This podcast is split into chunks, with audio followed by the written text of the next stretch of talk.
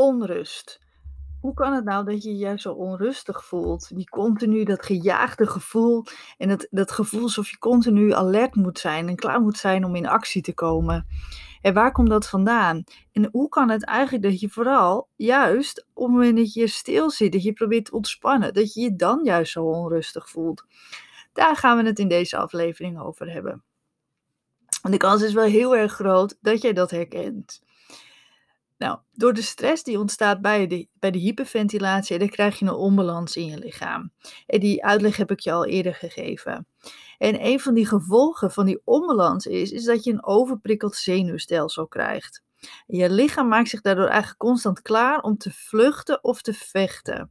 Je kan het eigenlijk vergelijken met een alarmsysteem wat er straks staat afgesteld bijvoorbeeld een autoalarm. bij een kleine prikkel gaan de alarmbellen dan al af. En een gedachte, een gevoel of iets wat je hoort of ziet, vaak zijn het hele kleine dingen die ervoor kunnen zorgen dat je lichaam reageert.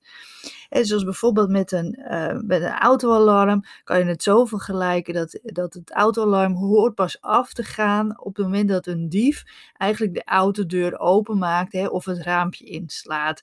dan pas moet het alarm gaan loeien. Um, maar als, als wij dat, uh, dat autoalarm in ons lichaam zouden hebben, dan gaat het nu dus eigenlijk al af op het moment dat bijvoorbeeld een blaadje tegen je auto aanwaait. Of dat een dief ja, al in, in, in, op twee meter afstand staat. Of eigenlijk bij een zuchtje wind. En dan reageert dat alarmsysteem al. En dat is eigenlijk wat er gebeurt. Door de onbalans in je lichaam en door al die stresshormonen reageer je gewoon heel erg heftig op een kleine prikkel. En, dus, en die stresshormonen, die maken je lichaam dus klaar om te vluchten of te vechten. En bijvoorbeeld je hartslag gaat omhoog en je spierspanning verandert en je zicht wordt anders. En, dat, dat gaat allemaal onder, uh, onder invloed van die stresshormonen. En, naast die onrustgevoelens zorgen die stresshormonen er ook voor dat je bijvoorbeeld heel veel slechter kunt inslapen en, en überhaupt slapen. Maar ook dat je slechter kan ontspannen. En dat zorgt er dus voor dat je weer vermoeider wordt waardoor je weer meer stress krijgt. En zo kom je dus in de vicieuze cirkel. Kijk, we herkennen het allemaal wel. Op het moment dat je vermoeid bent, en dan reageer je gewoon veel heftiger op emoties. Maar je schrikt ook veel eerder.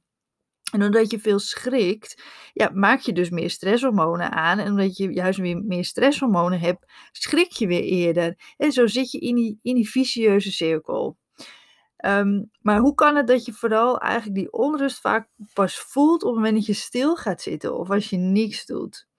En want zolang we bezig zijn, merk je die onrust vaak niet zo. En dat komt eigenlijk vooral omdat er om je heen zoveel gebeurt wat aandacht krijgt. En als dat wegvalt en je geen afleiding meer hebt, dan lijkt het vaak alsof die, die onrust opkomt.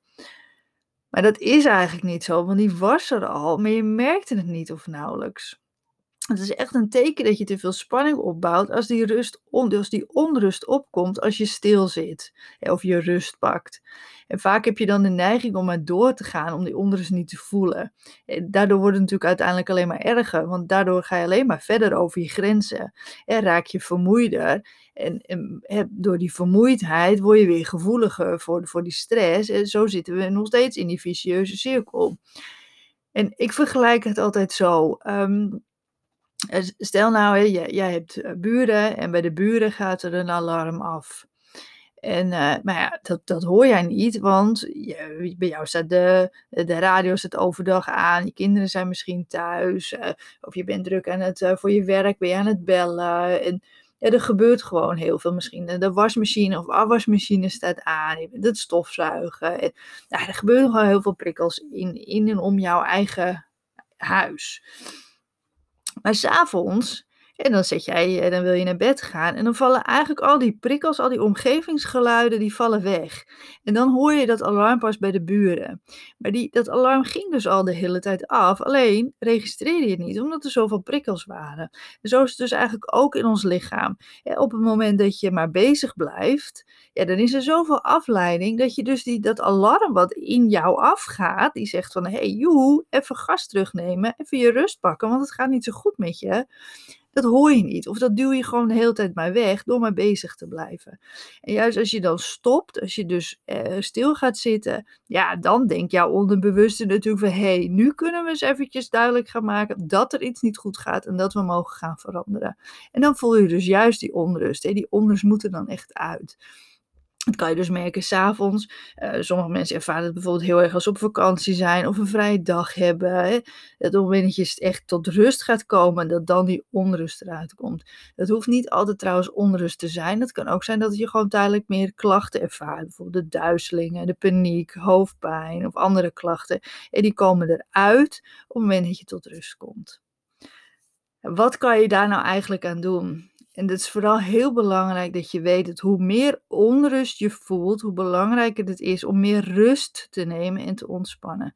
Die onrust is echt een teken dat het gewoon niet zo goed gaat en dat je meer rust mag gaan nemen. Zorg bijvoorbeeld voor meer rustmomenten overdag, hè, zodat je bijvoorbeeld minder spanning opbouwt. Hè, doordat je, als je steeds tussendoor wat rust neemt, hè, dan, dan, ja, dan bouwt die spanning zich niet zo hoog op. En dan kan je steeds even voelen, gaat het nog goed met me? Nou, eventjes eh, wat rust of wat leuks gaan doen, wat ontspanning. Even wat anders, waardoor je die spanningsopbouw als het ware doorbreekt. En daarnaast is het natuurlijk gewoon belangrijk dat je wat meer ontspanning eh, überhaupt neemt. En dat je zenuwstelsel wat tot rust kan komen en die stresshormonen naar beneden gaan. Die onrust kan je ook soms tegengaan door lichamelijk wat actiever te worden. Dan verbruik je die extra energie, waardoor je lichaam tot rust kan komen. Dat werkt dus alleen op het moment dat jij um, heel veel in je hoofd hebt gezeten, heel veel aan het piekeren bent geweest, maar wel stil hebt gezeten op de bank of op een stoel. En op het moment dat je al lichamelijk actief bent, omdat je de hele dag achter je kinderen aan loopt te rennen, eh, omdat je in een winkel aan het werk bent, eh, omdat je echt lichamelijk, dan werkt het natuurlijk niet om lichamelijk ook nog bezig te zijn, mits het jou ontspant. Hè? Doordat je s'avonds zegt, nou ik vind het lekker om even een rondje te wandelen, want dan kom ik tot rust. Ja, dan is het natuurlijk prima. Dus het is heel erg belangrijk dat je gaat kijken van wat heb ik nodig, wat past bij mij en niet, ja, um, er is geen standaard oplossing. Hè? Er is niet één recept wat voor iedereen werkt. Hè? Dat is echt, de een werkt dit en de ander werkt dat. Want de oorzaak is natuurlijk ook anders. Wat bij jou de oorzaak is van die onrust, is bij een, dan bij een ander. Ja, dus hou bijvoorbeeld een tijdje dat dagboek bij. Hè? Omdat je kan kijken van wat is nou, waar, waar komen mijn klachten vandaan en wat kan ik daaraan doen. En dus dat is echt heel belangrijk. Heb jij veel onrust, vooral in rust, dan is het echt belangrijk dat je meer rust gaat nemen.